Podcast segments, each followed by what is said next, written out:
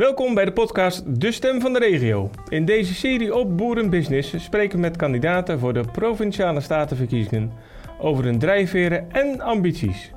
Deze keer gaan we naar Overijssel, waar we in gesprek gaan met een SGP'er die zich de afgelopen jaren heeft ondergedompeld in het stikstofdossier. Presentator Wouter Baan gaat in gesprek met statenlid Gert Harm ten Bolscher.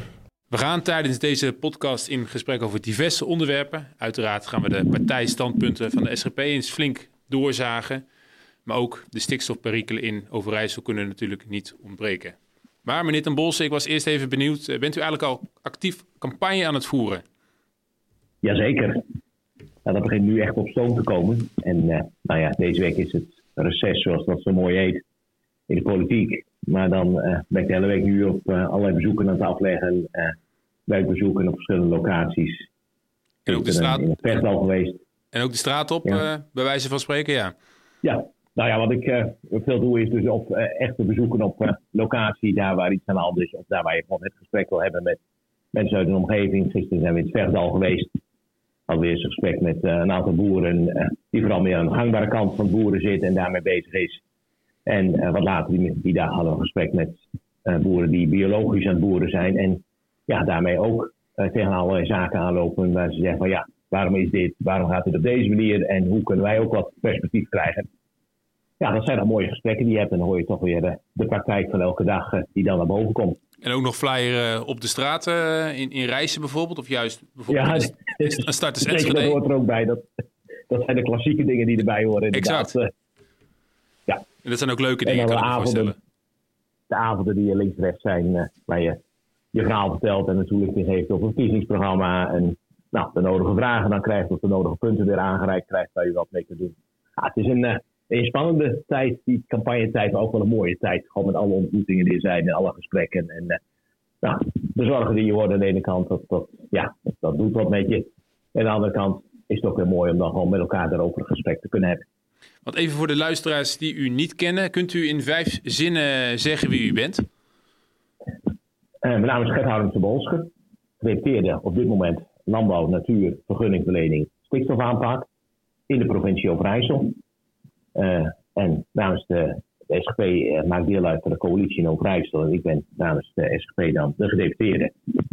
54 jaar oud, getrouwd, ik woon in Rijssen. En heb vier jaar in de provinciale staten gezeten voordat ik gedeputeerde werd. En hiervoor altijd in het bedrijfsleven gewerkt, uh, in met name de energie- en installatiehoek. Je vertrok eigenlijk uh, uit die sector vlak voordat het spannend werd? nou ja, spannend. het was wel de installatiehoek, dus zeg maar het, het installeren, het ontwerpen van installatie in gebouwen, begeleiden van installatiewerk. de laatste drie jaar mocht ik leiding geven aan een installatiebedrijf in Enschede met 350 medewerkers. Dus dat was een, ja, uh, ook in, in, aan de ondernemerskant een ontzettend mooie uh, tijd en heel veel ervaring opgedaan en veel geleerd. En, en dat zag ik ook weer terug bij de agrarische sector, het ondernemerschap, dat sprak me wel heel sterk aan. En wat, wat motiveerde u uiteindelijk dan om fulltime de politiek in te gaan? Want ik zag dat u al sinds 2003 actief betrokken bent bij de SGP, dat is al ruim of al ruim, maar dat is in elk geval 20 jaar al. Dat is een hele, hele ja. tijd. Ja, dat, uh, als je op een gegeven moment steeds uh, voor jezelf denkt van, ah, dit zou anders moeten en uh, waarom is een, een regeling, is die zoals die is en waarom worden dingen dan zo vreselijk ingewikkeld gemaakt, dat dacht ik uit die tijd toen ik of nog bij een adviesbureau werkte of bij het installatiebedrijf. Maar dat zijn toch wel dingen die steeds naar boven kwamen. En als je dat heel vaak denkt, dan moet je op een gegeven moment voor jezelf ook constateren. Nou, dan moet ik er ook wat aan gaan doen. Ja. Als ik me daar aan erger of denk dat het anders of beter kan, nou, dan moet je niet aan de zijkant blijven staan. En is het u meegevallen of is het u tegengevallen? een mooie vraag. Um, aan de ene kant, uh, nou, ik, ik heb vaak het voorbeeld gebruikt. In mijn vorige baan kon ik, als algemeen directeur, kon ik s ochtends met het directieteam een besluit nemen. En aan het eind van de middag konden we al gaan vragen van nou, hoe staat het ermee? Lukt het? En uh, gaan we morgen doen zoals we vanochtend besloten hebben? Ja. Terwijl in de politiek, dan is het iets, dan kun je vandaag wel besluiten. En dan duurt het heel lang voordat het uiteindelijk zover is dat het ook daadwerkelijk geïmplementeerd is. En dat alle procedures gevolgd zijn, het gepubliceerd is wat gepubliceerd moet worden. Uh, de politiek er verder nog weer wat van gevonden heeft. Dus dat stukje uh, traagheid wat erin zit en besluitvorming, daar moest ik best even naar wennen. Want u zit nu vier jaar in de, in de provinciale staten van Overijssel. Het eerste termijn zit er bijna op. Als u terugkijkt op de afgelopen jaren, wat, wat sprong er voor u uh, bovenuit? Ja, dat was toch wel uh, de, de stikstofaanpak van de stikstofproblematiek. We waren nog in de coalitieonderhandelingen bezig en nou, er was net ongeveer gesproken over de portefeuilleverdeling. Dus wie gaan gedeputeerden leveren, wie worden mogelijk de gedeputeerden, wat gaan ze in de portefeuille krijgen. Ja. En toen kwam de uitspraak 29 mei 2019 van de Raad van State. En ik weet nog dat we bij elkaar zaten en toen de legendarische woorden gesproken werden. Want het was ongeveer zo van nou, uh, die gaat uh, de portefeuille landbouw natuur en, en vergunningverlening doen. Toen werden de legendarische woorden uitgesproken van jij gaat je de komende vier jaar niet vervelen. nou, dat uh, is inderdaad het geval geweest. Ja, dat, achteraf was dat nogal een understatement, dat maar zo te zeggen, wat toen gezegd werd. Precies, want jullie zitten, uh, zitten nog in de coalitie met CDA, PvdA, CU, VVD en ook de SGP dus. Als je kijkt, ja, landelijk gezien ja, zijn dat niet per se partijen die elkaar echt opzoeken.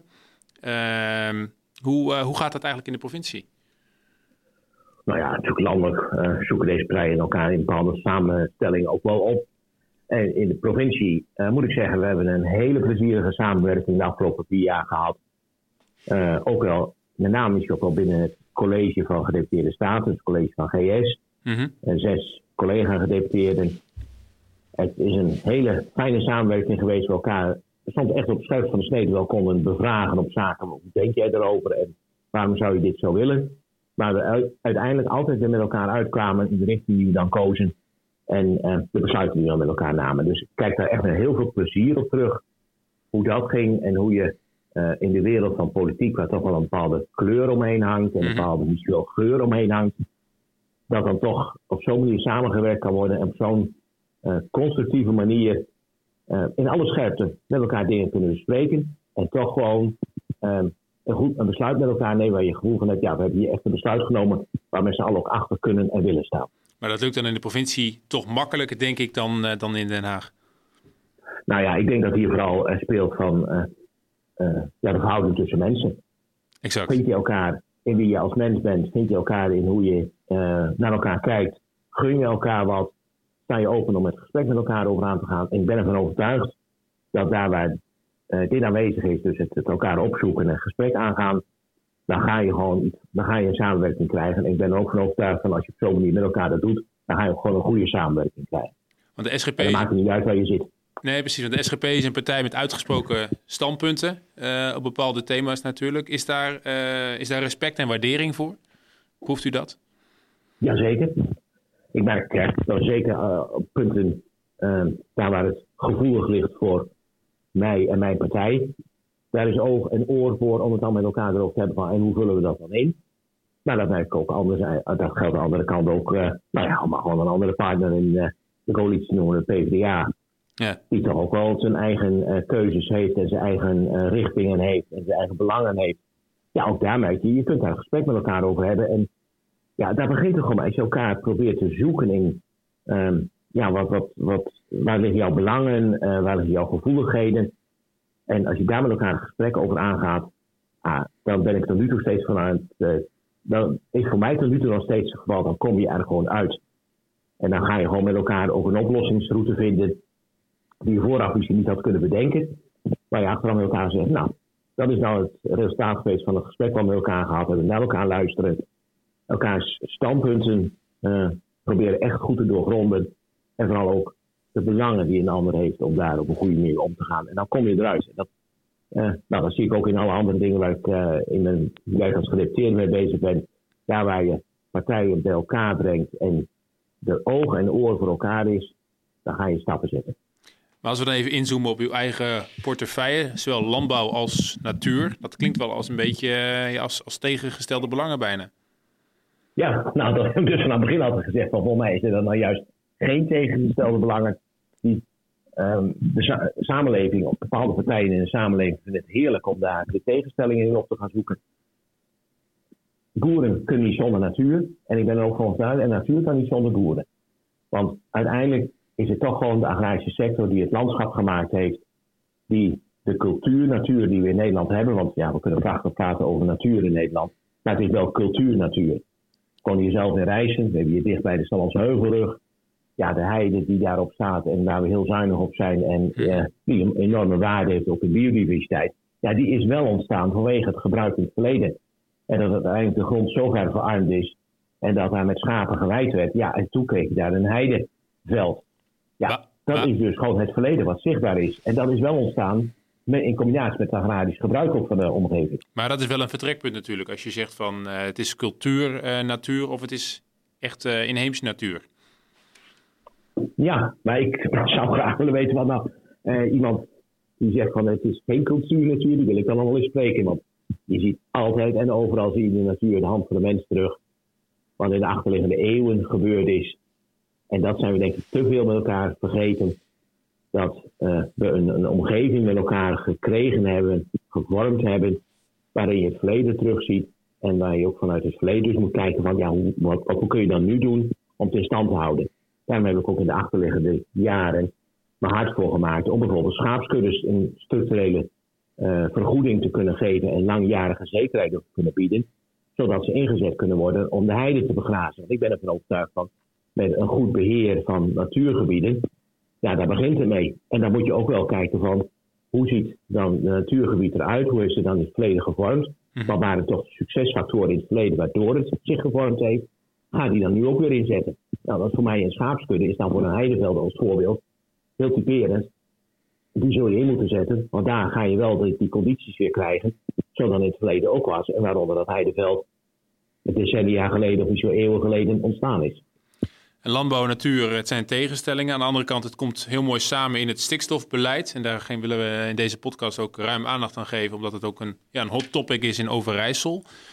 Als we even naar die stikstof deadline gaan. 2030 staat nu in het regeerakkoord. Uh, maar ja, 2035 staat nog in de wet. Uh, onlangs zei u in een interview in Trouw... het klinkt bijna paradoxaal, maar je krijgt meer snelheid als je de tijd neemt. Kunt u die uitspraak eens, uh, eens verder toelichten? Ja, zeker. Kijk, met alle druk die er nu uitgeoefend wordt... ik heb vaak het voorbeeld daarbij gebruikt... Uh, gezond boerenverstand weet dat als je aan gras gaat trekken...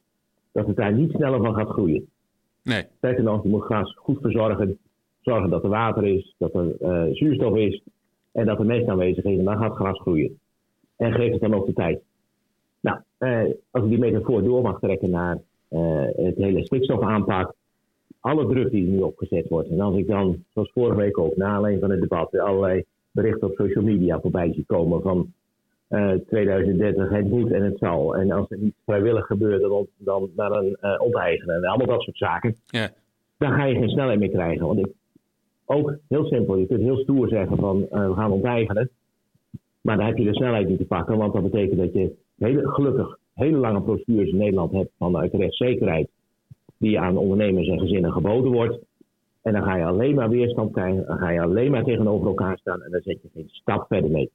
Terwijl ik ervan overtuigd ben, als we de tijd nemen, want we zien gewoon om ons heen, en dat is al iets wat decennia lang gebeurt, dat er boeren stoppen. En als je dat proces goed en netjes kunt faciliteren, dan komen de gronden beschikbaar uh, voor andere boeren, dan, op basis waarvan je dan kunt extensiveren, dit dan ook een, een aantal andere dingen goed ingevuld zijn. En dan gaat dat proces op basis van vrijwilligheid en dan misschien nou, iemand die overweegt om te stoppen, ja, kun je die helpen dat hij die, dat besluit wat eerder neemt of wat makkelijker tot dat besluit kan komen. Met die vorm van vrijwilligheid gaan we veel meer snelheid maken dan alle druk en drang die hier op dit moment uitgeoefend wordt. En datzelfde hebben we in Overijssel een plan gemaakt, wat we begin dit jaar aangeboden hebben. Daar hebben we ook heel wat druk in gezegd van ons uitgangspunt is de wet 2035. Maar we hebben er ook bij gezegd toen, maar we weten op basis van onze ervaringen die we nu al hebben in gebiedsprocessen, dat uh, wil je dat goed doen, heb je daar de menskracht voor nodig, mhm. heb je daarvoor kennis nodig. En dat is 2035. Dat zal al heel erg spannend zijn om dat te kunnen halen. Op een goede, verantwoorde, nette manier. Maar als ik, dan, dus als ik dan op de stoel van de ecologen ga zitten, die zeggen dan uh, no time to waste, uh, kom op, haast maken. Ja, dan zeg ik tegen diezelfde ecologen, zeg, wat schiet er nou op als we in eindeloze procedures gaan, terecht gaan komen, waar we ook niks mee opschieten. Terwijl er vandaag, letterlijk, een half uur geleden een boer mij opbelde en zei van... wat kun je voor mij doen? Wat kun je voor mij betekenen? Mhm. Want ik wil stoppen. Ik heb, uh, zit in een gebied waar ik weet dat er gewoon jonge boeren zijn die verder willen gaan. Ik gun ze dat zij verder kunnen gaan. Ik weet dat ze willen extensiveren. En uh, ik heb geen opvolger. Ik wil hier wel stoppen. Wat kun je voor mij betekenen? Ik heb op dit moment als provincie en als gedeputeerde helemaal niks te bieden aan zo'n boer die zo op deze manier bij mij komt. Want het Rijk heeft al mooi 24 miljard beschikbaar gesteld. Ja. Maar daar hebben we op dit moment nog niks van gekregen. En het blijft maar wachten en het blijft maar uh, duren voordat we dat geld krijgen. Ik heb al heel vaak gezegd, geef ons nou gewoon maar uh, 100 miljoen of 200 miljoen. Een voorschot, en, dat, ja. en zeg nou, ja, voorschot, vertel maar hoe we dat moeten besteden. De doelen, stel maar vast. En dan gaan wij ermee aan de slag, want dan kunnen we stappen zetten. En ik ben ervan overtuigd dat als zo'n boer die zich vrijwillig meldt, en daar hebben de achterliggende twee jaar zich al zoveel boeren gemeld die zeggen van joh, ik wil wel stoppen. Uh, mits dan op een goede manier netjes uh, ook de grond beschikbaar blijft binnen de sector. En dat mijn uh, nou ja, omgeving die toch wil blijven, daar wel mee kan. En ik ben ervan overtuigd dat dat op die manier ook gewoon kan en moet. Ja, die kan ik niets bieden. Nou, en tegen diezelfde ecoloog zeggen, laten we nou gewoon dat geld nu geven. En deze vrijwilligers vastpakken die dat willen, helpen. Dan hebben we vanaf, bij wijze van spreken, nou ja, nou, over een half jaar hebben we die stikstofwinst al te pakken. En dan moeten we niet blijven steken in allerlei ingewikkelde procedures en moeilijke processen. En, en maar blijven tot complete plannen en helemaal uitgewerkt tot achter de komma. En helemaal compleet onderbouwd. Want daar gaat tijd in zitten en dan gaan we ook weerstand opleveren. En dan gaan we de stappen niet zetten. Dus eigenlijk zegt u Den Haag, kom in actie en geef ons de middelen. Maar u zei in dat interview Precies, met ja. Trouw ook, uh, het kabinet praat wel over perspectief voor boeren, maar vertelt ons niet hoe dat gerealiseerd uh, kan worden. Stel nu dat u zelf uh, landbouwminister zou zijn. Wat, wat is dan het perspectief voor de boeren dat u zou kunnen bieden? Hoe ziet u het eigenlijk voor zich? Wat is perspectief? Ja. Nou, dat, dat vind ik inderdaad een heel ingewikkelde het woord perspectief. Ik ben wel, ik voel mezelf ook wel ondernemer. Ja. En dan weet ik dat ik het liefst gewoon een zekerheid wil hebben van dit zijn uh, de richtingen die openstaan en dit zijn de, de, de, mogelijkheden die we daarvoor bieden. En dan kan ik als ondernemer daarmee mijn bedrijfsvoering wel inrichten. En dat kan voor de ene ondernemer zijn dat hij zegt, joh, ik wil wel de biologische kant op. En andere ondernemer zegt, nou, ik zie wel combinaties met uh, natuur inclusief en ik wil mijn uh, wel een andere tak onder mijn bedrijf opzetten. En weer een ander zegt, nee, ik wil het via vakmanschap en management, mijn vakmanschap inzetten. Dus managementmaatregelen toepassen en daarmee aan de slag gaan. En die enorme brede mix om daarop in te spelen. En wat wij als provincie hebben gedaan, is dat we in ons aanbod, op ons eerste voorstel van begin januari, wat we naar het Rijk hebben gestuurd, waar we ruim 5 miljard hebben gevraagd, die 24 nog wat miljard. We hebben gezegd van een heel stevig deel van het bedrag stoppen we in een fonds wat losstaat van de politiek. Dus daar ook een fonds, een gebiedsfonds. En in dat gebiedsfonds bieden we aan ondernemers de zekerheid dat ze gedurende 25 jaar een vergoeding, en dan niet een, uh, een onkostenvergoeding of zo, of uh, een, een, een, nou ja, een kleine tegemoetkoming. Nee, gewoon een vergoeding voor de diensten die je levert ten behoeve van de maatschappij. Als we als maatschappij willen dat je water vasthoudt in een gebied. Als we als maatschappij willen dat je CO2 vasthoudt in een gebied. Als we als maatschappij biodiversiteit willen, nou, noem maar meer zaken op. Mhm. Dan moeten we ook voor betalen. Nou, zet dan eens zo'n fonds. Zet de kaders voor zo'n fonds duidelijk neer. En eh, daar ben ik ervan overtuigd. Dan gaan boeren daar eh, naar kijken wat ze daarmee kunnen. Gaan ze Ja. kijken hoe ze het in kunnen vullen. En ik heb dit de afgelopen maanden op verschillende plekken uitgelegd hoe we dat precies bedoelen. En regelmatig kreeg ik de opmerking: als je morgen publiceert, rijd ik bij de trekker naar Zwolle toe. En Ja. eh, zorg dan dat ik een handtekening kan zetten. Want daar wil ik wel mee aan de slag gaan. Dus eigenlijk zegt u van naast dat boeren eh, melk produceren en varkensvlees produceren, worden ze straks ook eh, beheerders van de, ja, van, de, van de groene weide, van de groene omgeving eigenlijk. Dat is wat u zegt. dat kan, en voor een deel van de boeren kan dat inderdaad gewoon het verdienmodel zijn. En aan de andere kant zullen we ook gewoon, eh, vind ik ook dat we aandacht moeten hebben voor voedselvoorziening en voedselzekerheid. We zien wat er gebeurt eh, met, nou, wat in de Oekraïne vorig jaar gebeurde en nog steeds aan de hand is, maar wat voor impact dat dat heeft gehad op eh, bepaalde prijzen, op bepaalde voedingsmiddelen. Ja. Als ik zie wat er in eh, Italië op dit moment en in Frankrijk en Spanje gebeurt met droogte, Ja. door toch klimaatverandering, ja, dan heb, is voedsel wel een ontzettend belangrijk onderwerp. En daar zijn we nou in Nederland, hebben we daar nou net een, de hele vruchtbare gronden voor om aan die voedselvoorziening een bijdrage te leveren. Dus dat vind ik ook een heel belangrijk punt. En juist daarom zeg ik ook van nou, die boeren die zeggen van wij kunnen het met managementmaatregelen doen. En een slimme manier eh, met onze eh inkoop omgaan. Zo min mogelijk geld aan de voorkant uitgeven. En op basis daarvan onze bedrijfsvoering inrichten. slim met de natuur mee, boeren. En daar kunnen wij een boterham mee verdienen. Nou, dat zijn dan boeren die zich richten op die vorm van productie. En aan de andere kant hebben wij ons plan vanuit het Overijs, en daar sta ik van harte achter als gereputeerde, maar ook als lijsttrekker van de SGP, hebben we ook gezegd van, maar we willen ook ruimte bieden aan bedrijven die met um, hoogproductieve landbouw bezig zijn. Dus hoogproductief in hun gebied aanwezig zijn. We willen de ruimte in Overijssel ook aanbieden. En die willen we ook bescherming bieden, dat soort gebieden. Dat daar echt de nadruk ligt op hoogproductieve landbouw. Ja. En dan zul je dan op dat moment ook moeten invullen met uh, innovatieve technische maatregelen. Die helpen om de doelen te realiseren die je als maatschappij voor ogen hebt. En daar willen we ook ruimte aan bieden. Dus plat gezegd, een varkenshouder moet kunnen blijven boeren. Ja. Want voedselproductie. Als je uh, gewoon aan is... de regels houdt, maar dat moet ieder bedrijf in Nederland. Exact. Dus dat uh, moet ook een varkenshouder. En als die op de goede plek daarvoor zit. Ja, er wordt heel, altijd naar varkenshouders ook gekeken, maar ik vind het mooi dat, dat je die noemt. Want juist een varken is natuurlijk toch wel echt een, een dier wat in de kringloop denken. Ja, perfect in past. Dus je kijkt van hoeveel resten van voedingsmiddelenindustrie richting uh, varkensbedrijven gaan. Ja, dan kun je daarmee bepaalde kringlopen prachtig sluiten. Ja. En dat wordt en daarmee nog onder, zeker een rol voor dat soort bedrijven. Onderbelicht. Ja. Want wat voor landbouwsector moet er dan uh, dadelijk uh, overblijven na de geweldige transitie waar we nu eigenlijk al middenin zitten? U zegt hoogproductieve landbouw, u zegt uh, meer natuur inclusief. energieboeren bijvoorbeeld, zonneparken, dat soort dingen. Hoe staat u daar eigenlijk in? Dat zou wat ons betreft ook een variant kunnen zijn. Al zeggen we wel van nou zonneparken, zet alsjeblieft geen zonnevelden op goede landbouwgronden goede landbouwgronden hebben volgens, in mijn optiek en volgens uh, ons als SGP hebben die keihard nodig ja. naar de toekomst toe voor de voedselvoorziening. Maar ik kom ook genoeg boeren tegen die zeggen, joh, uh, ik kan in mijn omgeving prima gronden aanwijzen.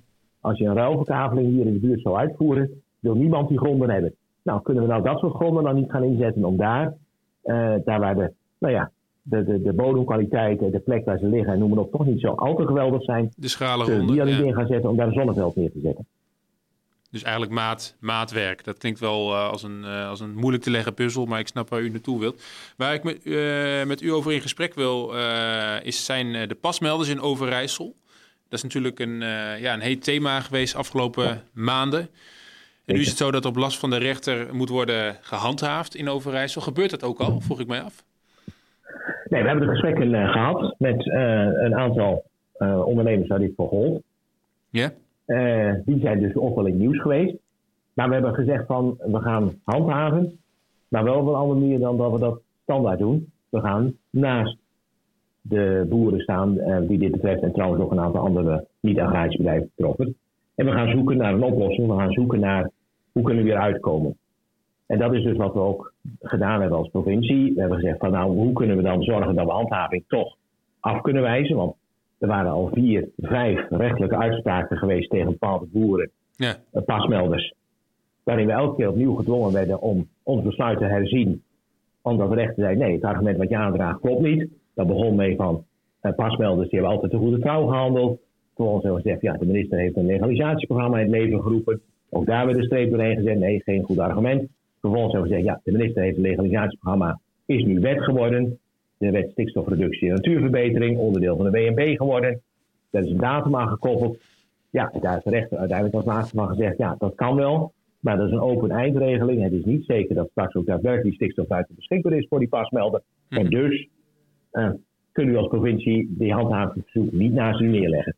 We gezegd, nou, dan moeten we nu gaan kijken hoe we ook de druk bij die gezinnen weg kunnen halen.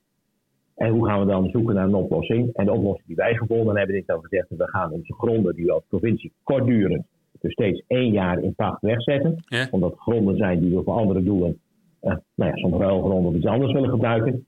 Daar stellen we de eis aan dat die niet bemest mag worden. Daarmee heb je een flinke emissiereductie, stikstofemissiereductie. En die ruimte gaan we inzetten om daarmee handhavingsverzoeken tegen de pasmelders af te wijzen. Maar dat klinkt nou, wel een beetje als een tijdelijke oplossing, als een, als een Dat is zeker noodverband. een tijdelijke ja, dat klopt. Dat is een tijdelijke oplossing. Want de minister heeft gewoon gezegd in die uh, WSN, dus de wet stikstofreductie en natuurverbetering, in februari 2025 moeten de pasmelders gelegaliseerd zijn. Overigens een motie op verzoek van de SGP in de Tweede Kamer ingediend. Mhm. Daar ligt nu vast in de wet ook. En daar hebben we gewoon gezegd, van, nou, dit is een opdracht die bij uh, het Rijk ligt. De minister heeft dat beloofd en toegezegd, zelfs in de wet vastgelegd. Dan moeten wij er nu voor zorgen dat we voorlopig die handhaafverzoeken af kunnen wijzen.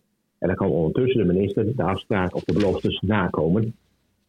En daarmee aan de slag gaan. En bent u dan, uh, om dit, uh, dit stukje af te sluiten, bent u, ziet u perspectief om dat woord nog maar eens te gebruiken voor de pasmelder in Overijssel? Wat is dan het nou, perspectief? Ik, nou, ik, ik heb laatst uh, in de Tweede Kamer ingesproken richting de Vaste Kamercommissie van LNV. En daar aangegeven, het wordt wel heel spannend. Want we zijn al vier jaar onderweg sinds de pasuitspraak, mm -hmm. 2019.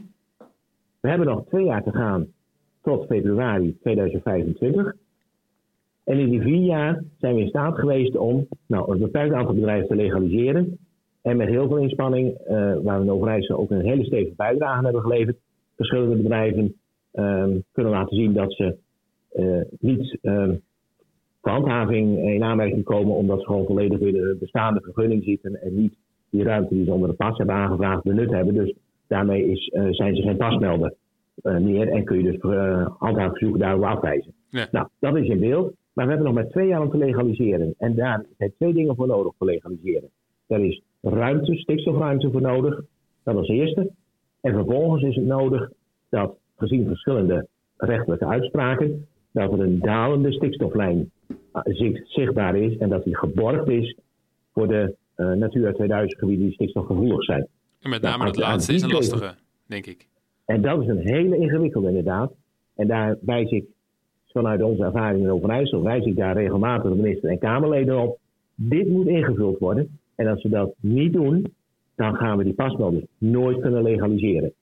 En nou ja, ik zie het als mijn persoonlijke missie en opdracht om daar steeds aandacht voor te blijven vragen. En dat is ook de reden waarom we als provincie ook uh, nou ja, keihard de schouders zetten onder het uh, eh, PPLG, zoals dat heet, Provinciaal Programma Landelijk Gebied. Mm -hmm. Een afgeleide van de nationale doelstellingen. Nou, wel zeggen, die bedoelt op onze eigen manier.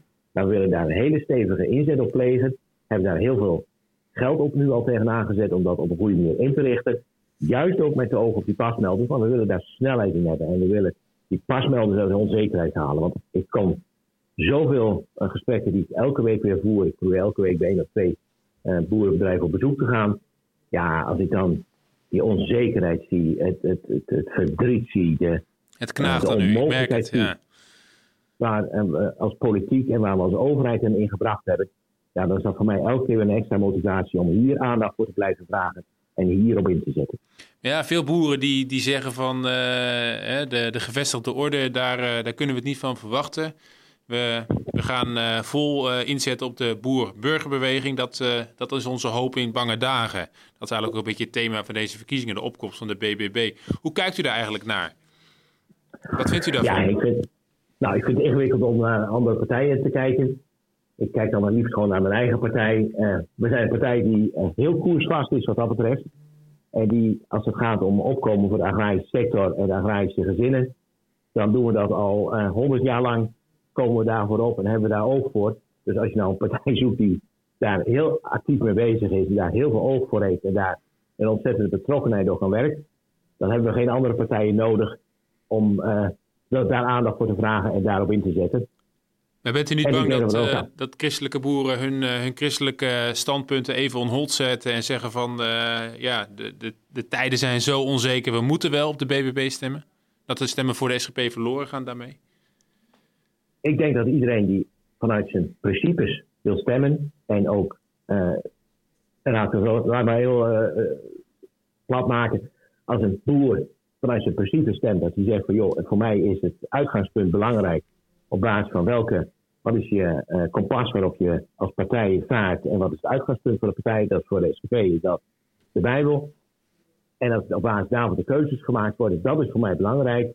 Nou, dan krijgt zo'n uh, iemand die aan het SGP stemt, die krijgt dan ook een gezond, nuchter en realistische kijk op de agrarische sector bij. Met heel veel steun voor de agrarische sector. Maar wel een partij die ook bewust keuzes maakt. Geen zwabbenbeleid voert. Maar al heel erg veel jaren, al decennia lang, consistent uh, oog heeft voor de agrarische sector.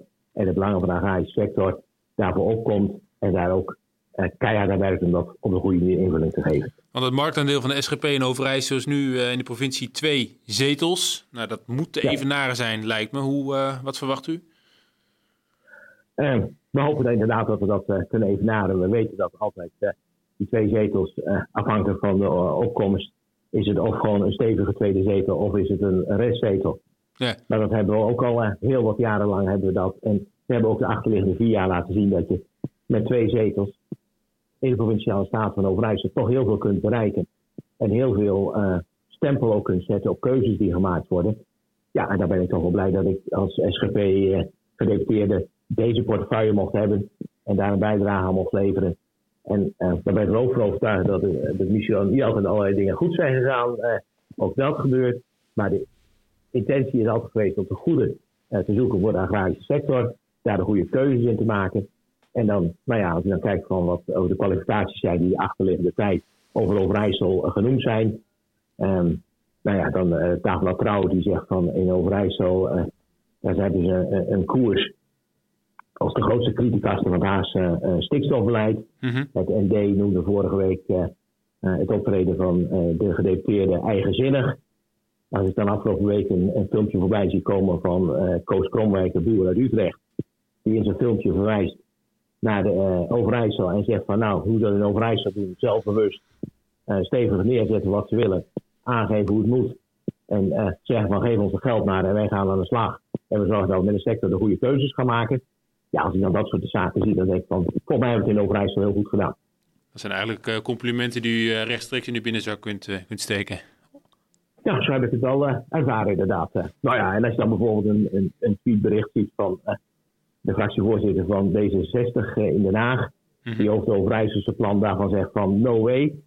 Nou, toen dacht ik van, dat is toch ook, vind ik niet de, de verkeerde reactie. Hij mag het wel vinden. Ik zou het anders gedaan hebben. Maar als hij dat zegt, dan vind ik het ook wel een compliment. U weet het welke hoek het komt. Ik wil u danken voor dit gesprek, eh, meneer Ten Bolscher.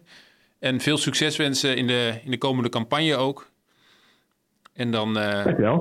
Dan, uh, dan gaan we zien waar het, uh, waar, het, waar het schip strandt. Ik wens u succes. Nou ja, stranden en dat schip in de vaart blijft. Laten we het daarop houden. in de Twentse vaart. Dit was de Business Podcast De Stem van de Regio met Gert Harm ten Bolscher. Kandidaatlid voor de Provinciale Staten in Overijssel. Hij werd geïnterviewd door Wouter Baan van boerenbusiness.nl. Je kunt eerdere podcasts terugluisteren via onze site of via je favoriete podcast app. Bedankt voor het luisteren en tot een volgende keer.